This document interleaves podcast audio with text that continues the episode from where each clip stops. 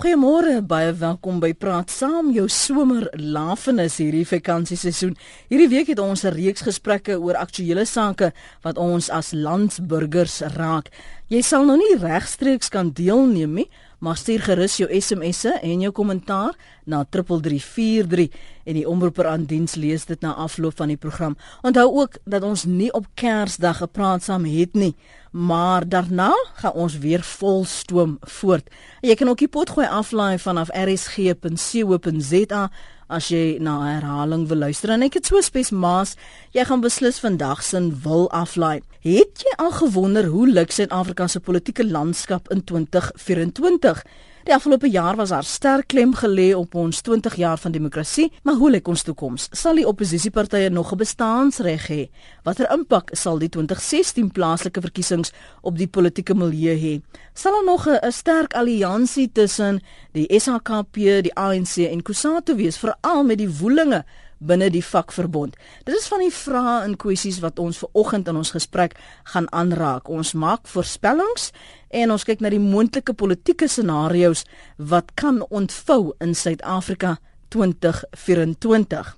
Maar ek is nie alleen nie. Ons het gaste. Telefonies gesels ons met professor Dirk Coetzee. Hy is 'n politieke ontleder en hoof van Unisa se departement politieke wetenskap. Goeiemôre Dirk. Goeiemôre. Baie baie dankie vir jou tyd hierdie besige week. Ek weet almal is nou besig met hulle vakansieplanne. As hulle nie voor die stoof staan nie, dan sit hulle sekerlik voor die rekenaar. So ek waardeer jou beskikbaarheid hier in die ateljee. Gesels ons met Chris Pieters, hy's 'n navorser by die Helen Suzman Stichting. Welkom ook aan jou Chris. Dankie vir jou tyd. Baie dankie dat jy my die tyd gegee het. En dan ook vir Roland Henwood. Hy is lektor by die Universiteit van Pretoria se departement politieke wetenskap. Dit is goed om jou in die ateljee te hê, Roland. Dankie. Baie dankie, is lekker om hier te wees. Dirk, sommer by jou omdat jy nou die verste van my is vir oggend. As jy nou 'n opsomming gee van van ons laaste 20 jaar, ek gaan vir Chris en vir Roland toelaat om ook hulle uh, waarnemings te deel van die laaste 20 jaar. Waar begin jy? Ek, ek dink mens sou moet begin by wat het in 1994 gebeur um, en dit was die begin van 'n belangrike politieke en konstitusionele oorgangsproses vir Suid-Afrika wat terselfdertyd die begin van 'n grondlegging van 'n van 'n demokrasie in Suid-Afrika was en ek dink as ons vandag kan terugkyk kyk moet ons eerstens kyk na waar staan ons met die grondwet in um, het die grondwet die toets van die tyd oorleef. Ehm um, was daar byvoorbeeld belangrike grondwetlike krisisse gewees oor die afgelope 20 jaar wat die grondwet nie kon hanteer nie. Ehm um, en dan ook na wat was die impak gewees van die die eerste 5 jaar periode tussen 1994 en 99 wat amptelik die tweede fase van die oorgangsperiode was en wat onder andere die regering van nasionale eenheid ingesluit het, ehm um, die waarheidskommissie ehm um, die die grondhervormingsproses is toe begin um, met die restituisie uh, proses wat plaasgevind het. Ehm um, en en dan daarna natuurlik hoe dit begin ontwikkel deur die die vier presidente, uh, president Mandela, president Mbeki, Motlanthe vir baie kort periode en nou president Zuma en wat in elkeen van daardie periodes gebeur het. Ek dink wat ook belangrik is is om te kyk hoe verskillende instellings oor tyd ontwikkel het wat nou baie in die nuus is is byvoorbeeld die openbare beskermer en ek dink wat nou besig is om plaas te vind is om groter duidelikheid te ontwikkel oor wat byvoorbeeld die magte van hierdie instellings veral van die hoofstuk 9 hmm. instellings is. Um, en dan laastens sou ek sê is wat 'n belangrike faktor is um, is wat het uh, tydens die verkiesings plaasgevind hoe het dit openbare deelname bevorder of het dit verminder wat was die rol van politieke partye? Ons weet die ANC is die dominante party, maar wat is die rol wat die oppositiepartye gespeel het? Um, miskien 'n laaste punt as ek dit kan byvoeg is um, die hele kwessie van die kwaliteit van regering. Um, mm. Ons het veral sedert 2004 het ons nou die verskynsel van openbare demonstrasies um, en protesaksies Um, en wat beteken dit? En wat beteken ook byvoorbeeld die jongste gebeure met Eskom? um, met die SA Suid-Afrikaanse Lugdiens, um, met Transnet en ander. Wat sê dit alles van die kwaliteit van regering in Suid-Afrika oor die afgelope 20 jaar? Dis eintlik verstommend Roland as uh, Dirk so dit noem dat ons kan na die laaste 20 jaar in fases kyk omdat dit werklik waar ontvou het met tyd. En as 'n mens so ver terugkyk na 94, dan besef jy ons het 'n ver pad gekom. Ja, ek dink dit is die belangrike ding is ons het 'n ver pad gekom en dan is daar 'n ander dimensie. Ek dink Suid-Afrikaners in die algemeen gee nie genoeg krediet aan hulle self as 'n nasie in terme van wat het gebeur en nou wil ek stap terug gaan. Hoe het Suid-Afrika in 1990 en 91 en 92 gelyk vir die mense wat dit nog kan onthou? So dit is 'n lang pad. Eintlik het geweldig baie gebeur in 'n baie kort tyd. En ek dink as 'n mens so daarna kyk om miskien net so 'n bietjie vorentoe te kyk, dan kan ons sê, maar dis geen wonder dit lyk deur mekaar. Dis geen wonder hier's goed wat ons oorweldig nie, want ons het ongelooflik baie in 'n baie kort tyd gedoen. Maar dit sê ook vir ons daar's baie uitdagings. Hmm. En ek dink wat belangrik is, Dirk beklemtoon seker die belangrikste kenmerk van wat oor hierdie tydperke sny. Dit is die institusionele ontwikkeling. Want dit is wat ek dink vir ons baie stabiliteit gegee het. Dis wat vir ons 'n basis gegee het om 'n klomp goed te doen en waarop die toekoms gebou moet word. Die een negatiewe aspek wat hier uitkom is dat die kwaliteit van regering dimensie moet 'n mens mooi na gaan kyk want dit is waar baie van die leemtes lê wat ons nou in die oë staar en wat ons nou moet hanteer in die toekoms. Mm. En en dit gaan nie oor persone nie. Dit gaan oor wat is besluit, wat is gedoen en wat is nie gedoen nie. 'n Ander aspek wat vir my belangrik is rondom die instellings en die grondwet het geweldig baie gebeur. Maar ek het tog 'n vraag en dit is wat het van die burgers geword? Burgerskap in Suid-Afrika die opneem van verantwoordelikheid, die die aanvaarding van die uitdagings op een vlak, maar dan die die deelname proses. Hoe speel mense in? En en daar dink ek is ook vra, het ons burgers 'n politieke kultuur gebou in 20 jaar wat genoegsaam gevestig is om ons in die volgende 10 jaar te dra en ek dink dit is iets wat mense bietjie na moet gaan kyk. Dink jy ons as burgers het dit oorgelaat aan politieke partye die hele tyd om die besluitnemingsproses te dryf, die verandering te dryf en teruggesit en gesê, "Goed, nou werk dit nie, nou klaar ons." Dis een dimensie. Ek dink daar's 'n ander dimensie. Die die grootheid van die leiers wat ingekom het in 94, die manier, die simboliek van die proses was dominerend geweest. En ek dink dit het baie mense laat voel ons kan nie op hierdie vlak, ons kan nie bevraagteken nie. Ons kan nie ons moet gaan stem as dit nodig is, maar verder moet ons maar kyk hoe die ding uitspeel. Ek dink deels dit was as gevolg van geweldige onsekerheid.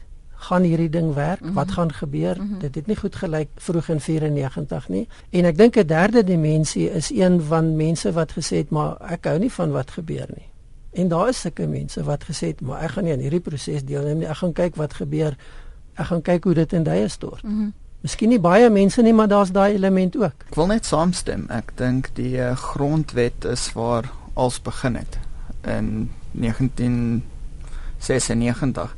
En van daar af het ons maar probeer met daai proses 'n uh, uitkoms te kry wat almal deel kan van word en wat almal deel van wil word. Net met die bevraagtekens as jy weer kyk na wat ons konstitusionele hof het om te sê en veral ons hooggeregshof is daar baie die regsproses is nou 'n manier waar mense die hele proses kan bevraagteken. Ek bedoel ons het ons uh, verkiesingshof en hulle het nou net na die verkiesing die begin van die jaar het hulle mos die uh, eh, IEC se hoofpersoon aangevat en daar was 'n uitspraak ja daar was 'n uitspraak wat daar gegee is En dis nou hoe ek dink mense begin het om die eintlike proses as 'n heel aan te pak is hmm. om nou meer kans te gee aan die howe en die hele regsproses.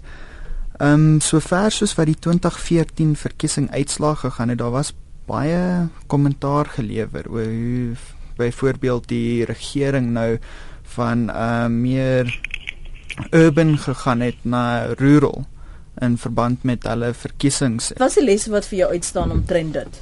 Wat die lesse wat daar uitstaan is as 'n mens nou kyk veral met die kritiek oor sê byvoorbeeld cronyism en dit. Hmm. En hoe almal nou uh, eer gee aan die emergent middle class. Ehm um, dit lyk amper vir my dat uh, mense nou begin sê ons was die opportunity gegee. Mhm. Mm uh julle het ons die reg gegee om te bestaan amper as 'n middelklas maar nou vat julle dit nie verder nie julle blok ons amper en dis die les wat ek dink dalk die ANC of die regering liewerste nou gaan leer is dat jy moet nou verder gee. Jy kan nie net 'n persoon daar sit nie. Mm -hmm. Jy moet hulle kans gee om iets te doen met wat hulle het. Maar is baantjies vir boeties nie 'n ding wat al lank in die in die politiek sluimer nie. Dis dis nou 'n nuwe ding hierdie comradeship uh, waarvan ons praat nie, Dirk. Ja, nee, dit is ongelukkig iets wat uh, tipies is van omtrent die meeste politieke uh, situasies uh, en selfs die mees ontwikkeldes. Ek het nou baie onlangs 'n boek gelees byvoorbeeld oor die periode 2003-4 um, in die Amerikaanse bestuur van Irak toe en um, hoeveel van die persone wat daar direk betrokke was in die hoedanigheid van Amerikaanse bestuurders was republikeine wat nie noodwendig gekwalifiseerd was vir dit nie. So dis maar een klein voorbeeld daarvan uh, van waar in omstand stelsels of omstandighede wat gesien word as gevorderde demokratiese bedeling mm. soos die Amerikaanse een um, nog steeds dieselfde beginsels gebruik. Die ek dink uiteindelik die belangrike faktor is is dat daar moet 'n kombinasie wees van politiek aangestelde persone saam met dan loopbaan uh, amptenare wat uh, oor 'n lang periode in die openbare sektor is um, en in die bestuur van regerings is en wat lank gehees het oor wat om te doen en hoe om dit te doen. En ek dink dit is een van die aspekte wat in ons omstandighede um, afwesig is. En en dis dis tipies ongelukkig van oorgangsregerings of oorgangssituasies of, of demokratiseringsprosesse wat as gevolg van demokratisering is daar verandering van van die leiersgroeperings en die die amptenare en die leidende persone wat daar te sprake is. Um, en ek dink ehm um, as jy mens terugkyk na baie ander lande wat 50, 60, 100 jaar gelede ehm um, deur soortgelyke prosesse gegaan het, het hulle dieselfde probleme gehad. So vir ons is dit om dit goed genoeg te kan bestuur sodat ons hierdie oorgangsperiode in 'n sin kan oorleef maar terselfdertyd genoeg nuwe uh, bloed kan inbring, mm. um, jong mense wat uh, goed opgelei is en wat die die vermoëns en die potensiaal het om dit vorentoe te kan neem. En ek dink dis dis die belangrike faktor dat daar nie 'n negatiewe sentiment ontwikkel van mense wat voel dat dit die, die proses afwaarts um, besig is om te gaan nie mm. en dat daar nie 'n hoop vir, vir vorentoe is nie. En ek dink dis dis een van die die hoofverantwoordelikhede van iemand soos ons wat by universiteite werk is om daardie nuwe geslag te help voorberei. Dirk het net ons inleiding gepraat van die vier presidente en ek kom nou sommer agter as ek dink aan Mandela en Bekkie Mothlante die L3 se se vanne wat met M begin vreemd genoeg en dan sit ons met Zuma. Die kwaliteit van die regering waarvan julle net nou gepraat het hang dit saam met wie daardie leier was op 'n gegeewe tyd in Suid-Afrika? Ek dink ongelukkig in die populêre oog ja. En daar's twee redes die beeld van 'n leier die simboliek daarvan maar ook die kort geheue wat mense het oor 'n klomp goed. Want daar's voorbeelde van dinge wat nou baie beter gaan as wat dit in 2009 of in 94 gegaan het, maar ook omgekeerd. En ek dink die leefwêreld van mense bepaal hoe hulle hierna gaan kyk en hoe hulle ook wat hulle ervaring hiervan is. Ek dink wat belangrik is is dat ons moet ook onthou daar's 'n bepaalde dinamika in hierdie oorgangsproses. Jy het begin op 94 op 'n skoon bladsy nuwe grondwet wat toe onderhandel, finaal onderhandel en opgestel word, 'n integrasie van al jou losstaande owerhede in een groot Suid-Afrika met al die uitdagings daarvan. Maar daar was ook ander dimensies. Jy het mense gehad wat gesê het maar ek sien nie kans nie, ek klim uit die bedeling uit. Jy het geweldig baie kundigheid en ervaring verloor. Mm -hmm. Tweede belangrike element jy het mense gekry wat as gevolg van wie hulle is, waar hulle vandaan kom, hoe hulle in hierdie nuwe omgewing geëindig het, nie mekaar se vertroue geniet het nie. So jy het marginalisering gekry, jy het posisionering gekry en daar het jy ook 'n klomp kundigheid en 'n klomp energie verloor wat in die stelsel was. En effektief het jy gesit met jy begin van voor af. En daar was baie min verdraagsaamheid tussen maar dit het in die verlede gewerk of ons is nou weg en klaar met die verlede ons begin van voor af. En ek dink dit het baie van die probleme geskep wat oor tyd begin uitspeel. Mm. Jy het nie die die institusionele geheue en ervaring en prosesse noodwendig gehad nie. Baie van dit was doeteenvoudig verwerp. Maar dit vat tyd om sulke goed te bou, te skep, te institusionaliseer en deel van die proses te maak. Mm. En ek dink dit is waar ons nou sit met baie van die negatiewe. Um Ons het geweldig baie hoogs opgeleide mense in die openbare sektor. Tog is daar plekke waar dit eenvoudig net nie 'n verskil maak nie. Ja. Nou dit hou verband met leierskap, dit hou verband met beleidsbesluite. Ek dink die een ding wat ons in Suid-Afrika kan terugkyk en nie kan sê nie, is ons het nie die hulpbronne gehad nie. Hmm. Daar's baie ander plekke in die wêreld wat met baie minder moes oor die weg kom in baie moeilike omstandighede. Wat ons wel kan vra is hoe effektief gebruik ons en het ons gebruik wat ons tot ons beskikking het. En ek dink daaroor is 'n bietjie rede om dalk te sê maar want in die verlede van in die verlede was al dikwels kritiek dat ons het al hierdie ongelooflike planne maar as dit kom by implementering dan faal ons.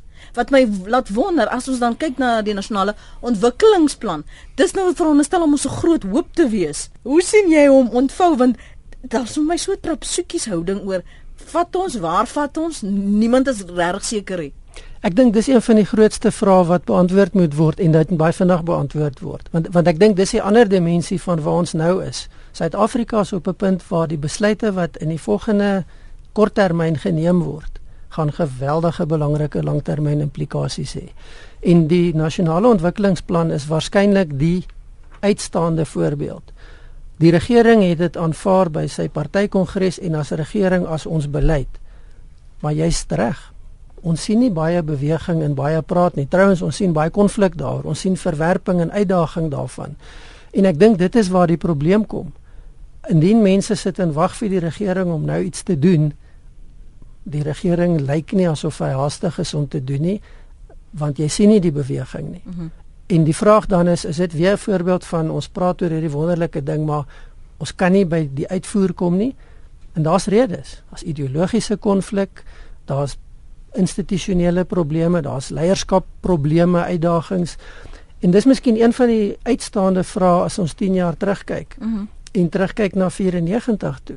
Daar's fundamentele ideologiese debatte wat nog nooit in Suid-Afrika gevoer is nie en wat nog nie tot 'n uh, uiteinde gebring is nie. Trouwens, elke keer as daar 'n krisis is, dan gaan ons terug na daai goed toe. En afhangende van met wie jy praat, gaan jy 'n bepaalde antwoord kry. Mm. So dit hou ons vas.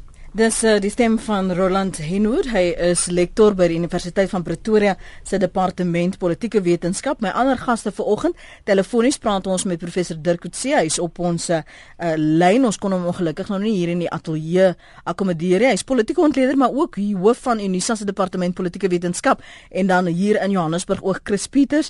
Hy's 'n navorser by die Helen Suzman Stichting. Ons kyk na Suid-Afrika. Hoe lyk die toekoms 2024? So nou hoe lyk Suid-Afrika 2024? Die ANC het weer 'n verkiesing in 2016 voor dit 2017 uh, skies die verkiesing 2016 weer die plaaslike verkiesings. Het ons al 'n moontlike opvolger dan teen 2024 vir vir Jacob Zuma? Um, hoe speel daardie Zulu en Nguni faksies in hierdie groot rol in die herposisionering van ons leiers? Dit is van die aspekte waaroor ons vanoggend gesels. Kom ons praat gou vinnig oor oppositiepartye voordat ons kom en praat oor die nuwe leierskap. Voorsien jy Chris dat ons nog definitiewe oppositiepartye gaan hê? Gaan ons groter samewerking sien? Um, gaan ons die verdwyning, verwerping van sekere groeperinge sien, soos wat ons nou in die in die verkiesing gesien het waar die UDM se stem stil geword het, maar 'n nuweling soos die EFF het na vore gekom. Ek dink ons sal altyd samewerking sien. Ek bedoel as mens na die regering nou kyk, ehm um, is daar altyd die uh, eh, ANC en die SACP wat saamwerk al ek is nie noodwendig seker oor hoeveel stemme die SACP eintlik gewen het in die verkiesing nie, maar hulle is nog steeds sitplekke in parlement. En dan sien jy die nuwelinge soos die EFF wat baie beter gedoen het as uh Cope toe hulle eers begin het. En al die kommentaar daaroor. Ehm um, sover as individue part oppositiepartye wat gaan uitsterf, dink ek jy's net daar so lank soos wat jy relevant kan wees of so lank soos wat jy ehm um, fondse bymekaar kan skep. Mm. En dis nou ook een van die dinge wat 'n bietjie van 'n uh, probleem veroorsaak nou is hoe sien ons wie betaal vir watter politieke party en hoeveel? As jy nou kyk na die oppositiepartye en samewerking in die toekoms al dan nie, moet ons onmiddellik ook stil staan by die alliansie veral met al die bewegings en woelinge uh, binne Kusatu. sien jy teen 2024 dat dit nog 'n 'n sterk alliansie gaan wees? ook met moontlike sprake van 'n werkersparty wat wat ons oor die volgende paar jaar sal kan sien ons saam. Ek dink die die uh verwikkelinge binne Kusatu die afgelope jaar of selfs miskien langer, maar veral gedurende die periode van die verkiesing in in Mei, ehm um, en die die bewegings van Nomsa, die uitsprake, die feit dat hulle gesê het hulle nie die ANC in die verkiesing sou ondersteun nie, was in na my mening die de facto skering wat binne die alliansie plaasgevind het. Nou of noem sy binne die nog steeds binne Kusatu is of buite Kusatu begin en is eintlik irrelevant want uh, in 'n groot mate het die het die skering die de facto skering toe reeds plaasgevind.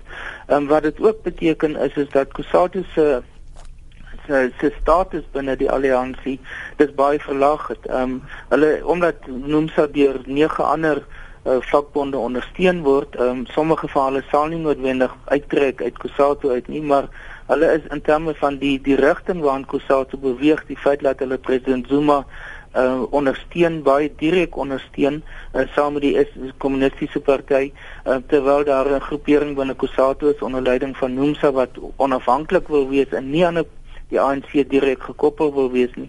Beteken dat die alliansie dus eintlik tot 'n einde gekom het. Wat anders is as die voorspelling van al die jare dat dit in die linkerkant um, by implikasie diskussie in die kommunistiese partye sou wees wat sou wegbreek van die alliansie, mm. het het dit plaasgevind binne Kusatu. En ek dink wat die gevolg daarvan is is dat oor die langtermyn gaan die vakbondbeweging in die die, die politieke rol wat die vakbondbeweging in Suid-Afrika speel af afgeskaal gaan word. Um, en ons sal waarskynlik ook sien dat daar 'n groter diversiteit binne die vakbond federale beweging gaan wees um, en dat Kusatu minder dominant sal wees vorentoe as wat hulle tot die afgelope 20 jaar was. Mm. So dit maak 'n groot verskil in die wyse waarop die ANC homself ook voorstel. In die verlede het hulle gesê hulle is hulle is oorwegend verteenwoordigend van die werkersgroeperinge in in Suid-Afrika. Ehm um, en die alternatiewe vakbonde wat tot of bewegings wat met tyd tot stand gaan kom. AMKO is 'n goeie voorbeeld daarvan is besig om dit uit te daag. Ja. Ehm um, so ek dink dit is dis beteken dat die dat selfs die identiteit van die ANC as as regering en as politieke beweging deur hierdie verwikkelinge radikaal ehm um, verander. Die loyaliteit wat ons vir so lank gesien het by kiesers uh teenoor hierdie alliansie en dat die alliansie te alle koste behoue moet bly dat dit gaan taan eerstens en dan tweedens sien jy dat daar 'n groter bydra is wat hierdie kleiner partye politieke partye kan maak tot die groei van ons demokrasie. Ek sien veranderinge in die sin dat ek dink 'n baie belangrike faktor is dat ons moet onthou die demografie van Suid-Afrika gaan van nou af vorentoe baie vinniger verander. En die belangrikste element daar is dat 'n groot klomp jong mense gaan deel word van die formele politiek. Nou daar's twee vrae. Nommer 1 is gaan hulle deelneem en betrokke wees? Tweede vraag is indien hulle deelneem en betrokke wees, op watter basis? Mm. Nou of hulle gaan deelneem is nie op die stadium moontlik om te bepaal nie, maar as ons gaan kyk na op watter basis, dan is een ding baie duidelik. Hierdie is 'n ander groep mense. Hulle kom uit 'n totale ander leefwêreld, hulle het 'n ander belewenis. Hulle gaan nie noodwendig die lojaliteite van die verlede net eenvoudig in stand hou nie. Of die die geskiedenis van die struggle beweging nie. Wel dit is deel en en dit is die die noem dit maar die bevrydingsstem, die liberation vote wat ons gehad het. Mm dit gaan waarskynlik verander. Dit gaan samehang met veranderinge op leierskapsvlak, beleidsvlak, ekonomies, maatskaplik al die goed. So ek dink dis 'n baie belangrike faktor vir die toekoms. Tweede belangrike aspek is dat jong mense gaan nie noodwendig soos in die verlede gelei word deur hulle ouers en gemeenskapstradisies nie, want hulle leef in 'n wêreld van inligtingstegnologie, van hulle is gekonnekteerd, hulle is ingelig en hulle het hulle eie belange. Kom uit 'n teen daai tyd alreeds en hopelik in 'n positiewe sin 'n totale ander onderwys op en opleidingsomgewing uit, ander ekonomiese realiteite, goed en sleg. En ek dink dit gaan tot 'n baie groot mate bepaal hoe daardie proses uitspeel. Tweede belangrike aspek is dat identiteitspolitiek gaan hopelik vervang word met belangepolitiek. Want identiteitspolitiek speel terug op 'n baie ou historiese konteks en dit raak moeilik om dit in die um, wêreld waarin ons vandag lewe net eenvoudig aan die gang te hou. Dit maak nie noodwendig altyd sin nie. Mm. So en ek dink dan 'n nog 'n faktor wat inkom stem mense omdat hulle 'n bepaalde idee het, 'n bepaalde verwagting het of stem hulle omvoudig om teen iets te stem. So stem jy vir of teen. En ek dink hierdie nuwe geslag van mense wat inkom, gaan anders na hierdie goed kyk as wat ons gewoond geraak het. En ek voorsien dat die dinamika van keuses van verkiesings anders gaan wees. Mm. Die een negatiewe aspek is natuurlik die geweldige groot getal mense wat onttrek aan die politiek. Ek meen in die, in die 2014 verkiesing van die potensiële stemgeregtigdes het iets so 56,7% uiteindelik deelgeneem. Mm. Dis baie sleg om in 'n nuwe demokrasie so iets te sien gebeur en en ons sal moet kyk watter invloed dit op die langtermyn gaan hê. Dirk, ek wil net gou vinnig vir jou hier inbring. Kan 'n mens spesifiek ehm um, praat van 'n sekere stem wat ontwikkel of na vore kom? gemeet aan die laaste uh, verkiesing van 2014. Jy het in jou inleiding gepraat van die die rol wat ehm um, artikel 9 uh, organisasies byvoorbeeld sal speel en ons sien al hoe meer die steun wat die openbare beskermer byvoorbeeld die afgelope jaar gekry het. Kan 'n mens praat van 'n spesifieke stem wat na vore kom? Ek weet Roland het net nog gesê daar's nie genoeg um, betrokkenheid vanaf die burgery nie. Ek wonder net of ons as 'n mens sê goed, daar's 'n stem van 'n jonger groepering of 'n ander gedagtegang, 'n meer pol belange politiek wat na vore kom en hoe dit dalk later kan weerspieël as as ons kyk na Suid-Afrika in 2024. Ja, ek dink daar is 'n verskeidenheid van faktore wat hier wat jy nou by implikasie noem. Mhm. Ehm mm um, die die een is uh, om aan te sluit by by ehm um, Droland is ek dink dat die die wyse waarop jong mense na party deelname kyk is is is effens anders as die ouer geslagte. Ehm um, byvoorbeeld as ons kyk na die afgelope verkiesing het die die groepering tussen 18 en 19 jaar ehm um, het net 'n derde van hulle geregistreer en nog minder uiteindelik gestem. Terwyl hoe ouer mense is, hoe meer neem hulle aan aan verkiesings deel. Die groot vraag is as as die jong mense van vandag uiteindelik begin ouer word, gaan hulle ook begin deelneem. So dis een aspek dink ek wat te sprake is wat wat wel duidelik is van die jong mense en dis 'n belangrike faktor in die politiek van die toekoms. Ehm um, is dat daar op hierdie stadium 'n gevoel van ehm um, van ontnigtering is en of 'n gevoel van verwydering is uh, by jong mense en dit is nie net in Suid-Afrika nie, dis wêreldwyd die geval. Dink byvoorbeeld aan die jongste gebeure in Hong Kong. Mens kan dink aan Brasilië voor die wêreldbeker, daardie demonstrasies. Mm. Die de demonstrasies verlede jaar en nou weer vir jaar um, in Turkye, um, mm. die demonstrasies um, in in in Thailand en so so kan mense aangaan daarmee. Ehm um, daar's 'n beweging wat wat plaasvind wêreldwyd um, waar die geloofwaardigheid van politici en politieke bewegings, dink byvoorbeeld aan die Occupy Wall Street ja. beweging ja. in Amerika of die Tea Party beweging in Amerika, wat dit bevraagteken en daardie tendens is ook besig om in Suid-Afrika te ontwikkel. Ek dink 'n tweede belangrike aspek wat bespreek is vir die toekoms is die ontwikkeling van meer sosiale bewegings. Um, dit het begin vroeër jare met die Landless People's Movement by die Anti-Privatization Forum en 'n veelheid van ander toe die treatment action campaign gekom wat almal ehm um, belange gebaseerde bewegings is wat op spesifieke belange of vraagstukke gekonsentreer het en nie net algemene belange het nie. Nou baie onlangs het ons die OUTA, die die alliansie teen die etolstelsel gekry wat oor politieke grense heen strek wat Kusatu, die DA mm. en ander groeperings insluit. En ek dink dit is dis aspekte wat ons vorentoe mee gaan sien. Ehm um, dat as as as plaas of as uh, wat parallel beweeg met politieke partye wat in sommige gevalle selfs die die rol van politieke partye gaan vervang um, en omdat politieke partye op sigself omdat hulle geloofwaardigheid nie noodwendig baie hoog is nie. Um, en hierdie gesien word as alternatiewe wat nader aan die op die grond beweeg um, wat meer effektiewe kommunikasiemiddels gebruik. Mens dink byvoorbeeld aan die sosiale media wat ook meer wat op hierdie stadium nog baie klein is in Suid-Afrika op uh, in die politieke terrein. Maar wat oor tyd definitief 'n belangrike faktor gaan wees en wat 'n baie pertinente impak gaan maak op hoe verkiesings geveg gaan word, mm -hmm. hoe politieke partye gaan kommunikeer en hoe politieke deelname in die algemeen moontlik gemaak kan word in die toekoms. Ek sien jy maak sulke aantekeninge Chris vir ons 'n 'n breek neem. Wat wil jy gou byvoeg?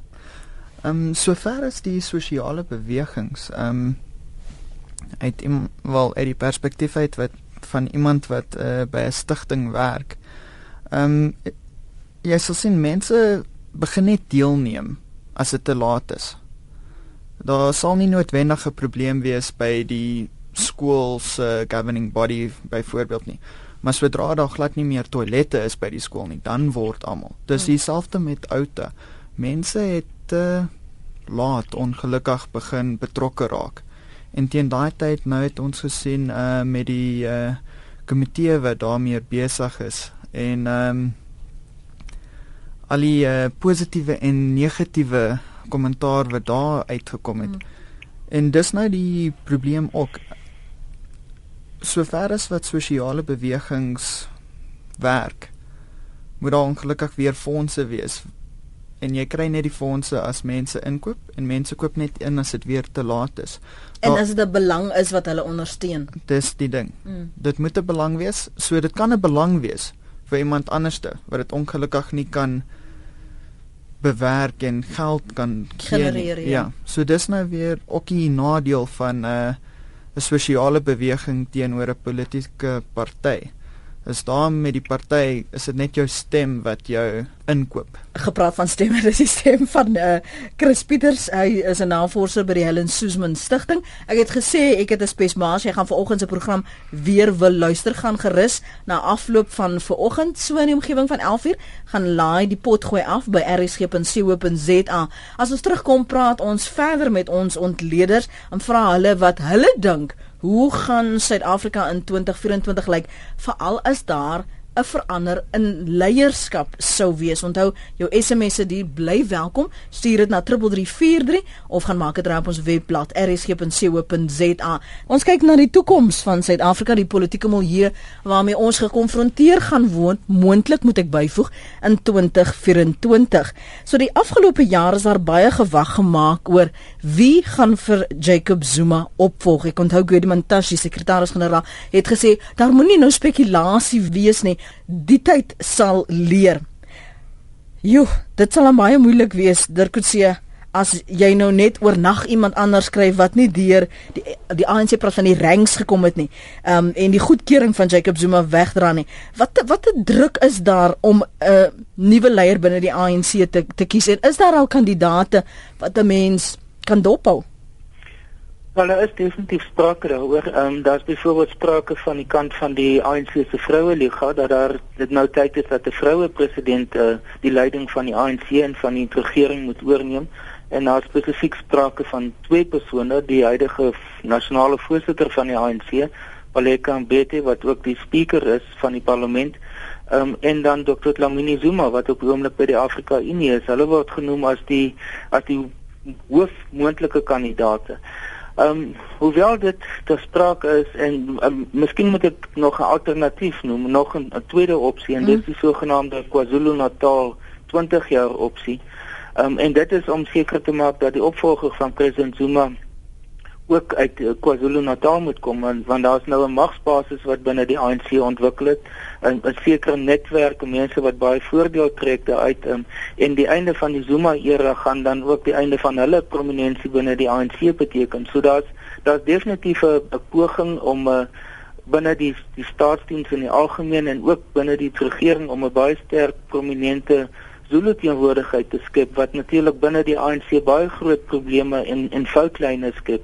Ehm um, ek ek dink as 'n mens na die na die die jong die meer moontlike scenario kyk, is dit hoogs waarskynlik een wat gelei sou word deur Cyril Ramaphosa wat op die oomblik die die adjunkt president is. Ehm um, dit gaan baie moontlik moeilik wees vir enige persoon om van van die sykant af in te kom um, en hom te verplaas. Um, en ek dink wat hy nou wat ek sien wat besig is om te gebeur is as hy besig om homself baie diep in te grawe binne die ANC. So moet net kyk na sy reisprogram is omtrent elke week in 'n provinsie. Hy is besig om groeperings toe te spreek. Hy het nou um byvoorbeeld nie lank gelede nie het hy die Oliver Tambo uh, gedenklesing gelewer in in die Oos-Kaap En dis die tipe van goed wat hom doen wat hy doen en want hy besef toe hy nog sekretaris-generaal was van die ANC en selfs die algemene sekretaris van die National Union of Mine Workers dat dis 'n manier om jou magsbasis te bou in 'n organisasie. En ek dink hy is slim genoeg en hy het die ervaring om te weet dis hoe, hoe hy homself kan verskans en dat hy nie gaan dis kan staat maak of hoe staat te maak op faksies binne die ANC soos was in 2007 en 2009 die 2007 en 2012 die geval was maar dat hy op sy eie soos wat Galeme Motlanthe in 2007 by Polokwane op sy eie basis gekies is um dat dit dieselfde sal wees vir vir Cyril Ramaphosa ook. So dis hoe, hoe ek sien die toekoms gaan ontvou. Ek dink belangrik is om die maklike deel van die antwoord. Daar ja. gaan 'n totale nuwe leierskap inkom. As ons terugkyk tot 1994, groot klomp van die mense wat ingekom het, was die groot name uit die struggle era. Daar's van daai mense wat nog steeds betrokke is op 'n baie hoë vlak en invloedryk is. Is onwaarskynlik dat ons na 2016 en na die 2019 verkiesing dit ek meen mense raak oud, hulle onttree, hulle mm. onttrek uit die politiek. So daar kom ek dink redelike groot veranderings, ook generasieveranderings. Die proses wat tans uitspeel, klomp van die leiers wat nou daar's gaan nie daar wees nie. Ek dink die belangrike vraag is kan diegene wat op pad uit is die stelsel so struktureer dat hulle invloed bly behou en dat mense na hulle basies oorneem. Mm. Nou dis natuurlik die ondergang van baie drome van regerings in Afrika gewees in die postkoloniale tydperk. Dit is nie onmoontlik dat dit hier gebeur nie, maar ek dink daar's genoeg mense nie net in Suid-Afrika nie, maar ook in die ANC wat bekommerd is, wat ongelukkig is mm. en wat sê maar dit dit is nie hoe ons dit kan doen nie. Maar Roland verander. Roland genoeg bekommerd om byvoorbeeld soos wat ons by Mbeki se herroeping gesien het om tot op daai punt te gaan want ek onthou met die verkiesing was daar stelke male die verwysing van hy raak 'n verleentheid hy raak 'n verleentheid en en dat jy nie dit wat die ANC verstaan totaal en al verloor nie. Kan ons ooit weer daardie uh, soort aksie sien? Ek dink baie mense buite die ANC sou dit graag wou sien. Dis dit gaan 'n dramatiese voorbeeld wees van hier toe is nou iemand wat durf het wat die ding vasvat ek dink nie die ANC wil weer daai pad loop nie. Ek dink die ANC as party het gesien hoeveel skade dit gedoen het, hoeveel langtermyn moeilikheid dit geskep het, vertroue verhoudinge wat verbreek is. Dit maak dit baie moeilik. En ek dink as ons gaan terugkyk na baie van die probleme wat met die Zuma era geassosieer word, dan hou dit verband met hoe hy in die amp gekom het en hoe ontslaag geraak is van die Mbeki groepering. Hmm. So ek dink nie die ANC sal baie graag weer daai pad wil loop nie. Ek dink daar's mense wat sê dis nie nodig nie. Dis nog 2 jaar. Dan loop hierdie ding sy normale proses. Niemand kan vingers wys nie. Dit gaan afhang van hoe goed ander kandidaate hulle huiswerk doen. Dirk het nou verwys na hoe wat jong president Ramaphosa dinge doen. Hy het waarskynlik ook geleer uit prosesse van die verlede en ek vermoed die ANC sal verkies om op so 'n manier vorentoe te gaan eerder as hierdie breekspel en tipe van mense uitjaag. Dit dink, dit kos hulle te veel. Eerlikwaar, dink jy die ANC is gereed vir 'n vroue president? Ek dink in terme van die beleid en hoe gepraat word ja, maar ek dink as ons gaan kyk na die praktyke, veral op die hoë vlak, is daar baie mense in die ANC wat nog nie reg is daarvoor nie. En hulle gaan my verkwalik om dit te sê, maar ek dink dit is die situasie. Dis die stem van Roland Henwood, hy's lektor by die Universiteit van Pretoria se departement politiek wetenskap. Uh, ons ander gas telefonies uh, is uh, professor Dirk Coetzee. Hy is uh, hoof van Unisa se departement politieke wetenskap en Chris uh, Pieters is die ander gas. Hy's 'n navorser by die uh, Helen Suzman Stichting. As jy nou van vandag stel ek jou sommer voor Kersfees aan as adviseur vir die ANC en vir president Jacob Zuma. En sommer sommer vir namens al die kiesers. Wat is die riglyne wat jy vir hulle wil gee? Hoe lees ons die volgende 10 jaar? En na jou gaan ek vir Roland en vir vir Dirk vra om vir my te sê, waarna moet ek as 'n kiezer kyk uh, vir die volgende 10 jaar? Ek sou voorbestel dat hulle met sekerheid begin. En dit vir oor die laaste jaar hoef jy net te kyk na al die verskillende stemme wat uit die regering uitkom. Veral as 'n mens kyk na die land hervorming en uh, die ander wetgewing soos die traditional affairs bill en die traditional courts bill. Mm. Daar het jy dieselfde party gehad, maar daar was verskillende stemme wat een ding gesê het en dan het die ander stem iets totaal en al verskillend gesê. En ek dink dat as hulle sekerheid kan bring, dan sal hulle glad nie 'n probleem hê nie. Al is dit die sekerheid dat hulle 'n uh, besluit gaan neem wat nie baie populêr is nie, is daar minstens sekerheid. Mm. Ek bedoel as ons ook na die midterm strategic framework kyk wat uitgekom het. Daar's baie goed daar wat in konflik is wat jy nie eintlik sekerheid oor kan kry nie.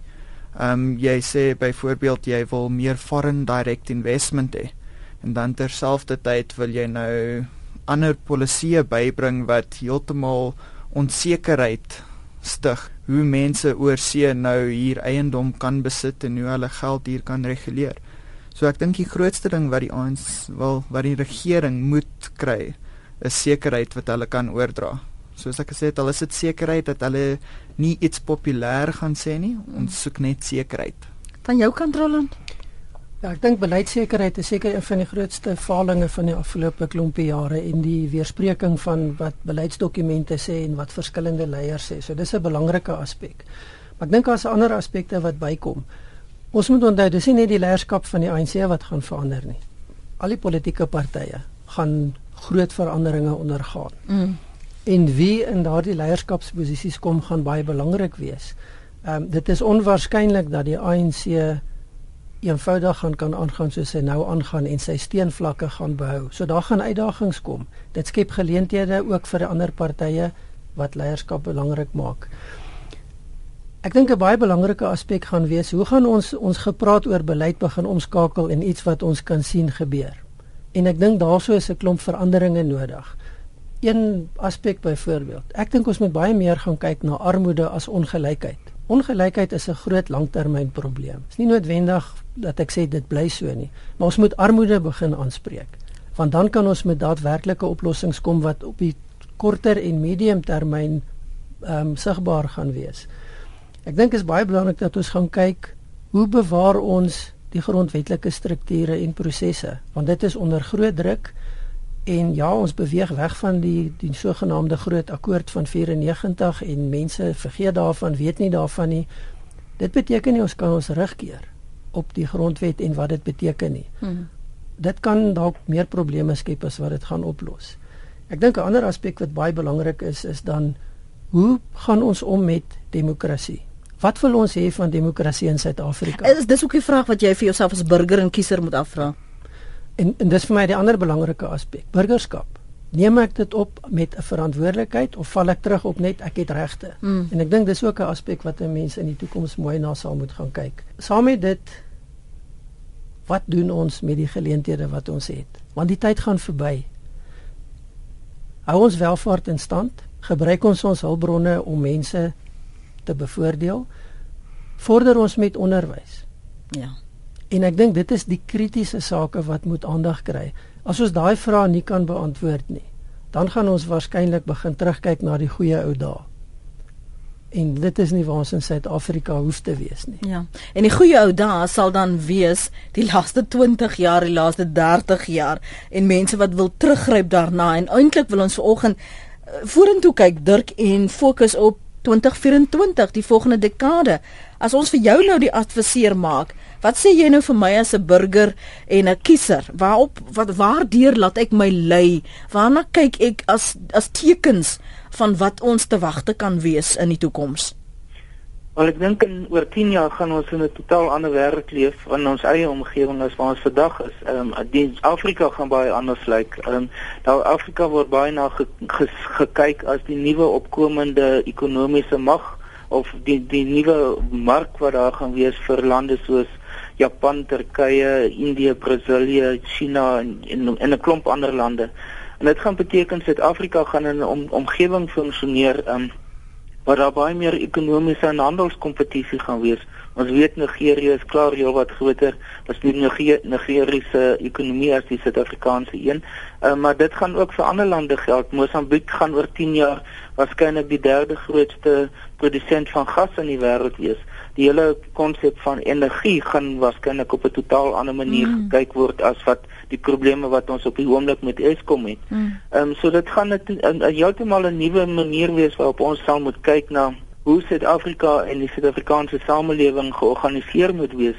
En ek dink wat ons nou moet doen om om by daardie 2014 ehm um, scenario te kan uitkom beteken belegging in die in die in die toekoms. Dit beteken dat die infrastrukturele ontwikkelings wat president Zuma verlede jaar aangekondig het op 'n groter skaal uh, aangepak sal moet word. Laat hmm. ons in steede van die probleme wat ons nou het wat ons sien dat daar nie genoeg belegging was in die infrastruktuur vir vir nou nie, um, dat ons dit 'n uh, uh, uh, baie ernstige les moes geleer het daai 'n ander belangrike faktor is water. Water is een van ons grootste skaarsbronne in Suid-Afrika en vorentoe gaan dit 'n baie groot probleem word as daar nie genoeg voorsiening daarvoor gemaak word nie. Ehm um, ek dink wat mense ook sal nou moet kyk is ehm um, byvoorbeeld opvoeding. Ek in Trouland is by universiteite. Ehm um, die hele manier hoe na die opvoedingsstelsel gekyk moet word, sal waarskynlik totaal geherstruktureer moet word om in lyn te kom met hoe die die Suid-Afrikaanse ekonomie vorentoe gaan lyk. Dit lyk asof die Suid-Afrikaanse ekonomie wegbeweeg van landbou en van die mynbou af wat elk tussen hulle twee saam omtrent 10% tot die bruto nasionale produk bydra terwyl die dienste sektore, die finansiële sektore, die die uh, beleggingssektore um, en selfs uh, vervoer mm. die ander 80% bydra. So dit beteken dat ons studente moet oplei en menskundiges ja. moet oplei wat gaan moet inpas in daardie tipe van ekonomie in die toekoms in. Ek dink as dit kom by die regering, een van die groot probleme wat so vinnig as moontlik aangespreek sal moet word is korrupsie. Ja. Want as korrupsie gaan ontwikkel en endemies gaan word in die Suid-Afrikaanse situasie, gaan ons baie baie ernstige probleme hê. Interessante tye wat wink. Ehm um, die tyd ons is ongelukkig ingehaal. Ek ek is seker ons kan nog langer, veel langer en ons gaan in die toekoms ook nog veel meer ontledings en uh, kan kry van ons politieke ontledings vir oggend. Dis moeilik om dit vas te pen, maar hier is 'n paar gedagtes wat hulle vanoggend gedeel het as ons vorentoe kyk na die politieke landskap van Suid-Afrika in 2024. My gaste was professor Dirk Coetzee, hoof van Unisa se departement politieke wetenskap, uh, Roland Henwood, lektor by die Universiteit van Pretoria se departement politieke wetenskap en dan uh, ook uh, Chris Pieters, navorser by die Helen Suzman Stichting. Baie dankie vir al drie van julle se tyd vanoggend. Waardeer dit. Laai gerus ons pot gooi af by rsg.co.za later vanoggend. Stuur jou SMS'e, jy het nog so 'n vinnige oomblik wat jy vinnige paar gedagtes wil deel na 3343 in die omroeper aan diens gaan dit lees. Onthou nou ons het nie 'n praat saam op Kersfeesoggend nie. Maar kort daarna, dan ons weer volstroom aan die gang. Ek is Lenet Fransis, was lekker om vanoggend met jou te praat. Regisseur Jody Hendriks. Hoop die laaste paar reëlings wat jy moet afhandel dat jy die genoeg moed het en tyd het om dit te doen voor Kersfees. Bly ingeskakel vir oggend op RSG net hierna